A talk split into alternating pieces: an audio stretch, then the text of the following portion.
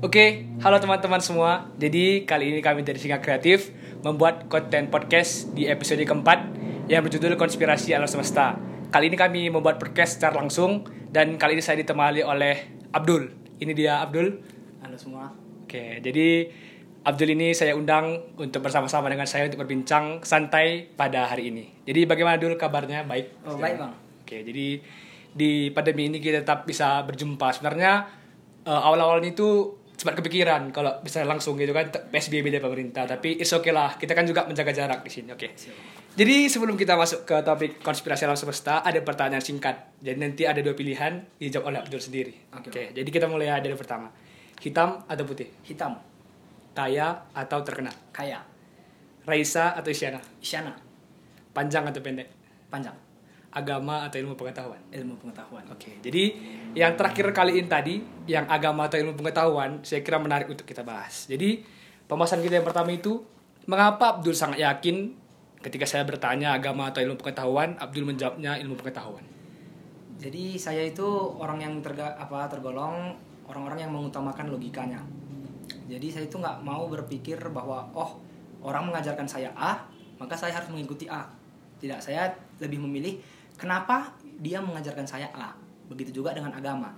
Saat kita terlahir di dunia ini, Bang, Ya. kita sebenarnya statusnya tidak beragama, tidak bernama dan tidak ada apa-apa kecuali badan kita kan. Ya. Jadi orang tua, lingkungan dan sekolah yang mengajarkan kita apa nilai-nilai yang tersebut kayak agama, Ya. moral dan lain sebagainya, Bang. Jadi kenapa saya lebih memilih ilmu pengetahuan? Karena setelah saya telaah dan saya pikirkan berulang-ulang kali dan bahkan bertahun-tahun, Ya. Saya mendapatkan kesimpulan bahwa ya saya lebih percaya kepada ilmu pengetahuan daripada agama. Ya. Dengan alasan banyaknya bukti-bukti secara empiris dari ilmu pengetahuan dan sedangkan agama hanya mengandalkan apa yang mereka sebut dengan kitabnya. Yang kitab itu juga termasuk buku dan kita tidak bisa mentre bisa sih kita trace balik kapan buku itu dibuat atau kapan ucapan-ucapan di Alkitab itu atau di Al-Qur'an itu ada. Tapi dengan ketidak adanya apa itu contohnya Bang eh, tokoh yang langsung bisa memiliki bukti bahwa dia mengatakan itu, menulis itu ataupun melakukan tindakan itu. Ya.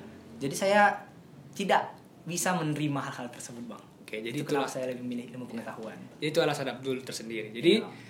dari agama Abdul sendiri, dari KTP Abdul sudah ada. KTP sedang dibuat, belangko belum ada. Oh, jadi nanti di KTP apa? Tetap tertulis Islam, Orang tua? orang tua Islam. Abdul ber- berapa saudara?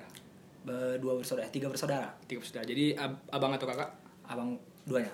Jadi abang bagaimana agamanya? Abang memiliki agama yang kuat, saya akui tersebut karena dia bahkan masuk ke golongan-golongan orang yang lebih mengamalkan saya saya bisa bilang ya. Karena beliau sendiri itu untuk masuk ke IPDN itu dia betul-betul bergantung pada agamanya.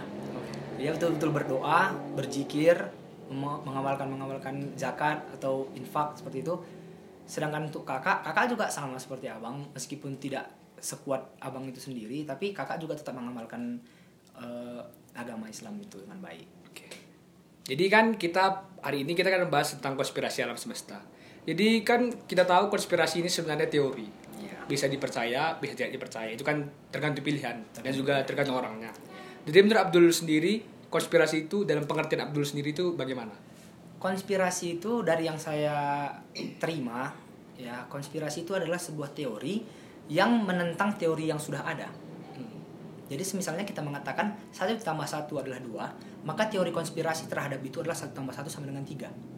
Teori konspirasi mengatakan tiga. Mengatakan tiga. Ya dalam contoh ini memang kita tahu satu tambah satu itu bukan tiga, tapi maksudnya hanya meng, meng- meng- apa, menganalogikan bahwa satu tambah satu itu bisa memiliki teori-teori yang lain. Oh. Dan konspirasi bisa saja benar. Contoh konspirasi yang benar itu bumi itu bulat. Pada zaman sebelum zaman-zaman eh, pencerahan di Eropa, gereja percaya bahwa bumi itu tidak bumi itu diam dan matahari dan bulan yang mengitarinya. Ya. Sedangkan para peneliti, ilmuwan lah kita bilang ya bang, mereka itu mengatakan bahwa bumi itu bulat dan bumi lah yang mengelilingi. Jadi di saat saat itu konspirasi itu adalah bumi itu yang yang mengelilingi bukan diam. Dan saat kita sekarang ini ilmu pengetahuan bilang bahwa bumi itu yang mengelilingi. Jadi konspirasi bisa benar dan bisa juga salah. Jadi tidak ada salahnya kita membahas konspirasi, tapi ada baiknya konspirasi itu dibekali dan didorong dengan fakta-fakta yang memang aktual. Seperti itu, Bang. Jadi kalau kulihat ya, aku juga kan baru di podcast ini. Jadi kulihat kayak konten dari Deddy Kobusher bersama yang Lex juga banyak membahas tentang konspirasi. Mungkin juga Abdul tahu. Jadi menurutku konspirasi ini suatu teori ya seperti Abdul juga bilang tadi bisa benar atau bisa tidak tergantung orangnya. Jadi kalau aku bertanya, ingin bertanya kepada Abdul, kira-kira bagaimana Abdul menyikapi konspirasi tersebut dan dari mana sebenarnya Abdul tahu tentang konspirasi tersebut gitu? Untuk menyikapi sebuah konspirasi, Ya. kita membutuhkan tiga tiga dasar dari ilmu pengetahuan, yaitu empiris, apakah itu memiliki fakta, lalu dua lainnya itu memiliki apa? Satu memiliki fakta, satu kumulatif, dia itu didukung dengan fakta lainnya dari sebelumnya, dan yang terakhir itu saya agak lupa sebenarnya, tapi itu berhubungan juga dengan bukti-bukti juga itu tiga dasar ilmu pengetahuan. Apabila sebuah ilmu pengetahuan memiliki tiga dasar tersebut, maka kita bisa menyebutnya sebagai ilmu pengetahuan. Ya. Jadi kalau konspirasi, seseorang mengatakan "Eh, sebentar lagi bakal ada meteor jatuh. Dan apa dasarnya? Apakah bisa kita lihat dasarnya itu dari nampak fisiknya atau nampak dari perhitungan kalkulasinya? Apabila sudah dipenuhi, apakah kita bisa memastikannya dengan teknologi kita sekarang ini? Contohnya, apakah kita melalui teleskop bisa melihat meteor itu mendekat? Ataukah dengan satelit-satelit NASA kita bisa melihatnya? Ya. Lalu saat kita sudah yakin, maka konspirasi itu akan menjadi sebuah teori yang dipakai Ya. dan tidak lagi statusnya konspirasi dan akhirnya menjadi teori yang dimaklumi masyarakat. Jadi seperti itulah cara saya menyikapi konspirasi. Ya, mungkin itulah jawaban dari Abdul menyikapi dari konspirasi tersebut. Nah, jadi kami juga ingin bertanya, kan pastinya dengan keberadaan Abdul saat ini yang mungkin kurang percaya dengan ke- keberadaan agama, sedangkan abang Abdul, orang tua Abdul percaya dengan agama. Bagaimana pandangan Abdul dan bagaimana sikap Abdul menyikapi? Mungkin kan banyak pandangan stigma ataupun pandangan-pandangan percakapan lah dari orang-orang yang mungkin negatif terhadap Abdul. Bagaimana Abdul menyikapi percakapan tersebut? Dari sisi keluarga saya nggak pernah terbuka untuk hal-hal seperti ini, lebih tertutup lah ya lebih tertutup untuk pemikiran seperti ini karena seperti seperti yang kita bahas barusan bang, ya eh, konspirasi itu kan sesuatu yang menentang teori yang sudah ada. ya Agama itu sudah ada semenjak bahkan sebelum masehi. Ya bahkan puluhan ribu tahun sebelum masehi orang sudah mulai percaya akan keberadaan Tuhan. Jadi saya ini dalam kondisi ateis yang lahir pada tahun maksudnya aliran ateis ini yang lahir pada abad ke-18 tahun 1700-an. Ini sebenarnya merupakan kami adalah aliran konspirasi yang mengatakan bahwa Tuhan itu tidak ada dan Tuhan itu adalah buatan manusia. ya Jadi untuk percakapan dengan keluarga saya batasi. Tapi untuk pertemanan terkadang kami e, bisa membahas lah sekali dua kali karena Tentang agama tentang gitu. agama karena mereka juga kadang mau bertanya.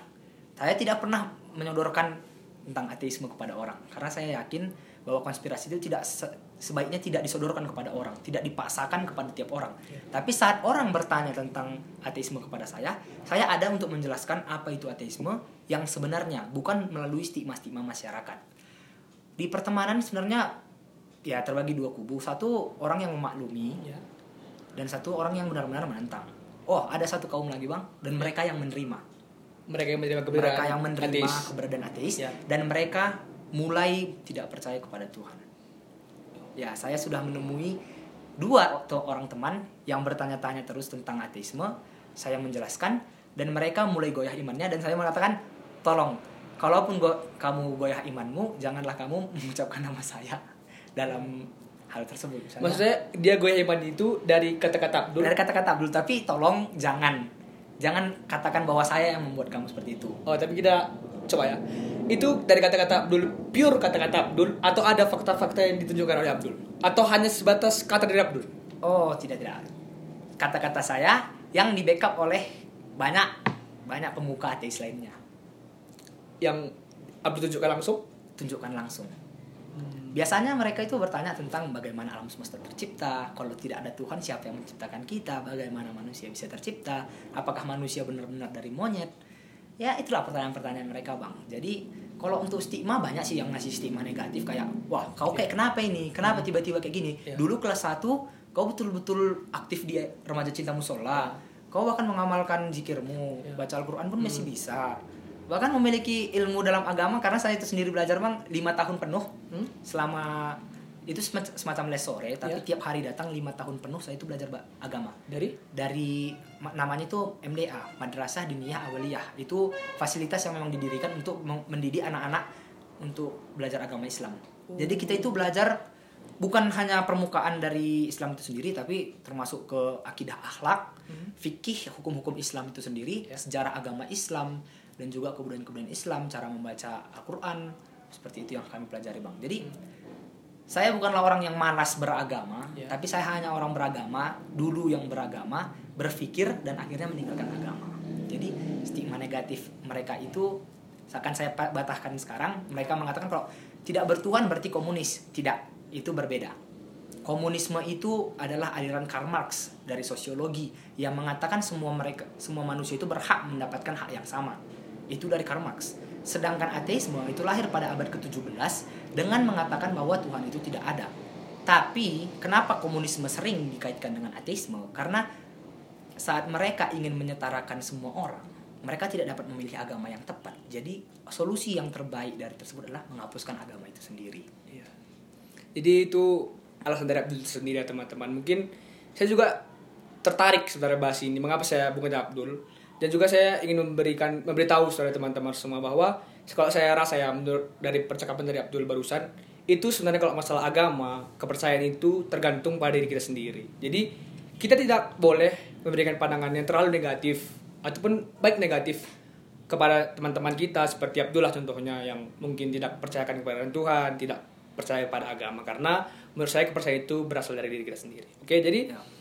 Berpatok dari agama, agama pasti kita kaitkan dengan Tuhan Iya. dan kaitannya sangat erat lah pasti. Mungkin saya ingin berpikir, apakah pernah Abdul mencari Tuhan itu sendiri dalam kehidupan Abdul? Pernah. Coba ceritakan sedikit kepada kami semua. Pertama kali saya mencari tentang Tuhan itu saat saya masuk SMA. Ya. Itu sebenarnya sebelum masuk SMA sih, saat kita libur kelas 3 SMP, Ya. Saya itu kan punya waktu luang yang banyak karena saya pede dengan nilai ujian nasional saya, saya bakal masuk SMA 1 jadi saya nggak punya beban apa pun. Di situ saya mulai menggambar. Saya mulai mempelajari gambar semenjak kelas di antara transisi kelas 9 dan kelas 10. Ya. Lalu saya menemukan dalil dari agama Islam itu sendiri tentang menggambar yang mengatakan menggambar itu haram. Lalu saya terus mencari, terus mencari, terus mencari, mendapatkan penjelasan dari berbagai ustadz, dari berbagai artikel, dan Ya. dari berbagai ustadz lokal juga saya tanyakan. Dan saya menemukan ada dua suara yang berbeda. Satu aliran mengatakan bahwa segala jenis gambaran itu, kecuali gambaran pemandangan, pokoknya tidak mengandung nyawa, itu haram. Itu haram. Apa pun gambarnya, selama itu memiliki nyawa, tidak boleh. Karena kamu berusaha menyaingi Tuhan dalam menciptakan sesuatu. Seperti itulah isi kesimpulannya. Sedangkan satu lagi mengatakan selama gambar kamu tidak mengundang maksiat ataupun dalam bahasa Indonesia tidak mengandung keburukan, Ya. contohnya seperti pornografi, Ya. kamu boleh-boleh saja menggambarnya. Contohnya menggambar sebuah manusia, ya menggambar sebuah manusia saja. Ya. Tidak mengundang apa pun yang membuat orang lain memiliki niat buruk Ya. atau menggambar sebuah tupai, menggambar sebuah kelinci itu tidak masalah. Lalu saya mulai bertanya, apa dasar dari ini? Kenapa mereka mengatakan seperti ini? Ya. Lalu saya mempelajari lagi agama Islam, mencari, mencari, mencari. Dari hal sekecil itu akhirnya saya mempertanyakan sesuatu. Ya. Kenapa sih orang berusaha mengatur saya melalui agama? Padahal saya selama kelas dari lahir hingga kelas 9 SMP tidak pernah sekalipun mempertanyakan bahwa agama saya ini mungkin salah atau benar. Ya. Karena tiap-tiap orang yang memiliki agama, sudah saya sering ya tanya-tanya orang juga, dia selalu percaya agamanya agama yang paling benar. Kalau ditanya apakah kau yakin nanti masuk surga dengan agamamu, semua orang akan menjawab iya. Jadi kembali ke pola pikir saya tadi kenapa saya lebih memilih ilmu pengetahuan, akhirnya untuk pertama kali dalam hidup saya saya mempertanyakan apakah saya selama ini memang memiliki agama yang benar. Ya. Pertanyaan pertamanya bukan mencari Tuhan, tapi apakah agama saya ini benar? Lalu Berarti, saya bentar. Berarti bertolak pada agama dulu, baru bertolak kepada agama, Tuhan. kepada Tuhan. Lalu saya bertemu sama sebuah hadis, sebuah hadis yang sangat spesial di agama Islam, Ya. karena hadis ini bukan diucapkan dari Nabi itu sendiri, tapi diakui Nabi. Jadi hadis di Islam itu sebenarnya semua perkataan Nabi dan perbuatannya, kecuali satu hadis ini. Ya. Karena hadis ini disampaikan oleh sahabat Nabi, tapi diakui oleh Nabi. Yang menceritakan tentang mungkin ya banyak sih yang tahu ya, soalnya ini tentang Dajjal. Ya. Dajjal di agama Islam itu ya banyak interpretasinya, banyak juga yang memiliki cerita masing-masing. Ya. Tapi sesuai hadis ini, dia berkata bahwa Dajjal itu sudah ada, dia sedang terkurung dan dia sedang menunggu hari akhir. Hmm. Lalu saya berpikir, kenapa Tuhan menciptakan sebuah makhluk yang bakal yakin dirinya akan menghancurkan dunia dan yakin dirinya akan masuk neraka? Kenapa dia tidak memiliki pilihan? Kenapa tidak seperti film-film dia, dia dia akan disadarkan suatu hari? Tidak. Di dalam hadis dan di dalam cerita masa depan pun nanti dia akan dibunuh dengan kekafirannya dan dia akan masuk neraka. Lalu saya terus-terus berpikir, wah, apakah ini berarti Tuhan itu jahat? Pertanyaannya bukan Tuhan itu ada atau tidak, tapi apakah Tuhan itu jahat? Ya.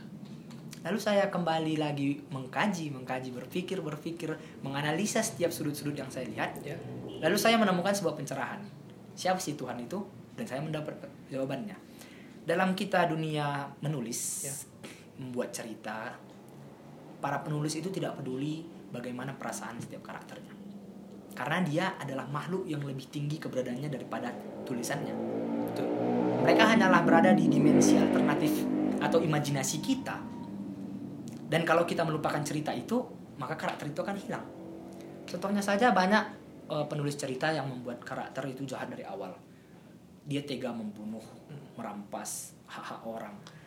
Apakah sang penulis itu memiliki rasa berat hati menuliskan itu? Tidak, dia membutuhkan karakter itu untuk membuat ceritanya bagus. Ya. Jadi saya mulai memandang Tuhan itu sebagai seorang penulis. Tapi satu hal yang harus kita lihat dari sisi penulis.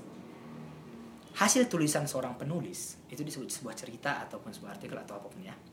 Tapi kalau kita semua di ruangan ini, saat ini ya, saya membuatkan sebuah cerita. Tapi kita bertiga berjanji tidak akan menceritakan cerita ini kepada siapa pun. Lalu kita bertiga mati, apakah cerita ini akan hilang? Saya kira hilang. Akan hilang, bukan? Kalau kita kalau kita Kalau bertiga, bertiga mati dan satu kita- lagi teman-teman kameramen ada ya. Nanti Kameramen ada. teman-teman bingung. Oh, Nanti ada iya. stigma-stigma negatif. Tidak, tidak. Ini Oke. ada kameramennya. Jadi kalau kita lihat itu penulis yang memiliki cerita, saat cerita itu berhenti diper- diketahui orang, Ya. maka cerita itu akan hilang. Betul. Tapi kita lihat dari sudut pandang karakternya, apakah karakter itu tahu bahwa dia ditulis? Karakter itu. Karakter cerita Tidak tahu itu. lah pasti. Apabila seorang penulis memberikan ilmu kepada karakternya bahwa dia ditulis, apakah karakter itu akan tahu dia ditulis? Kalau diberikan ilmu kepada Iya. karakter itu. Tentu saja, iya kan? Tentu saja pasti tahu. Kalau diberikan ilmu toh. Ya, Iya.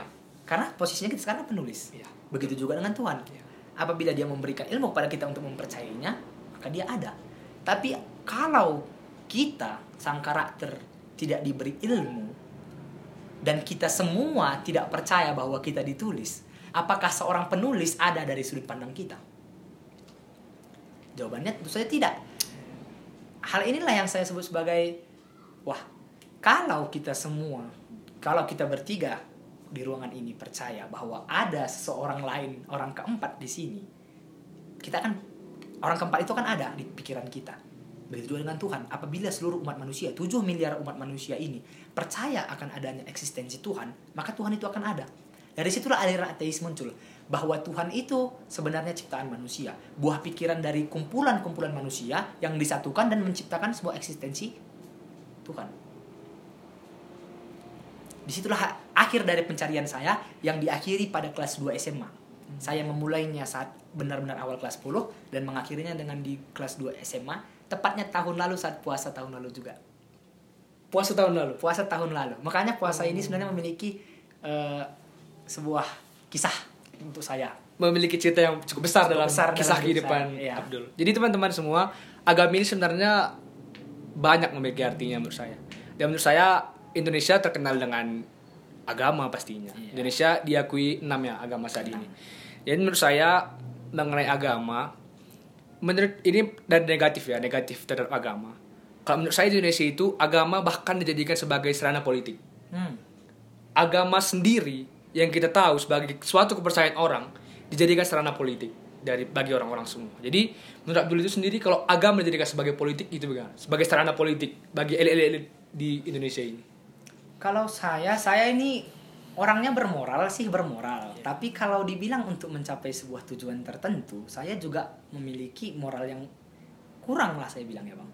Menurut Abdul sendiri kurang. Menurut saya sendiri kurang Iya. karena dengan tiadanya konsep dosa dan pahala di hidup saya, saya memiliki satu patokan lainnya yaitu moral dalam hati saya.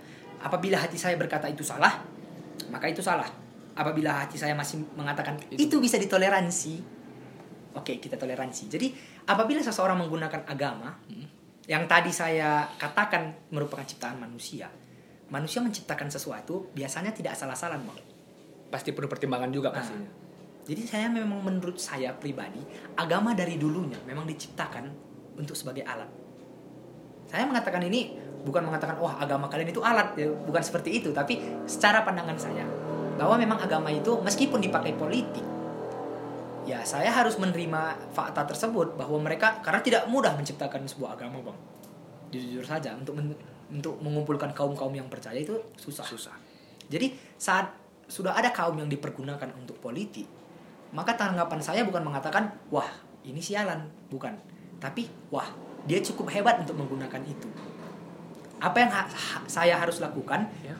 Untuk mengatasi penggunaan alat itu? Hmm.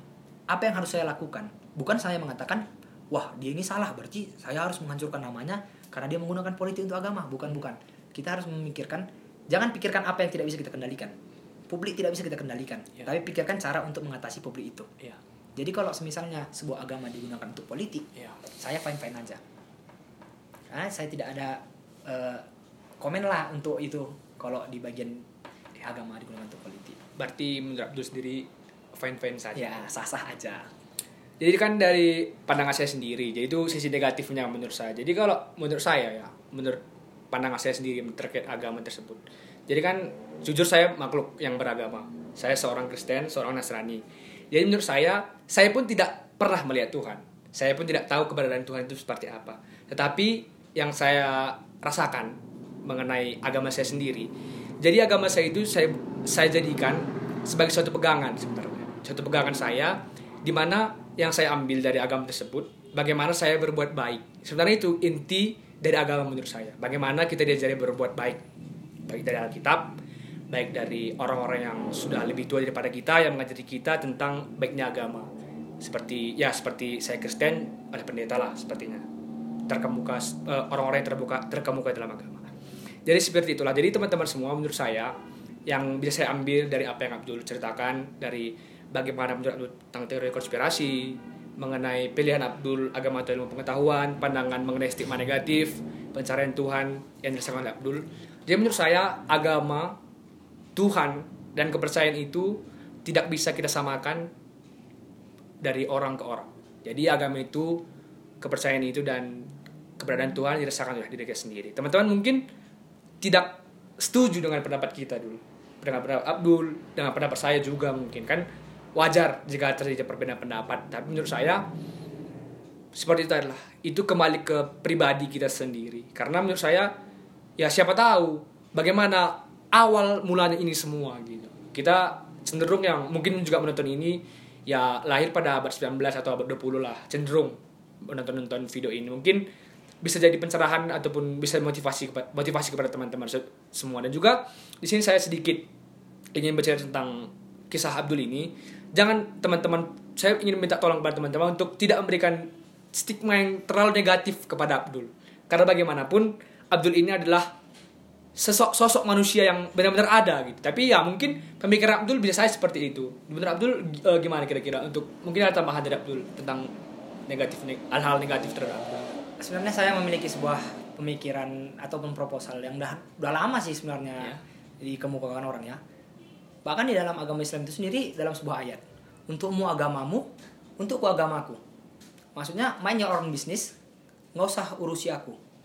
Tapi ada sebuah permasalahan karena banyak sekali orang yang sebenarnya eh, dia itu mengatakan bahwa ajaran agamaku menyuruhku untuk menyebarkan agamaku. Ya.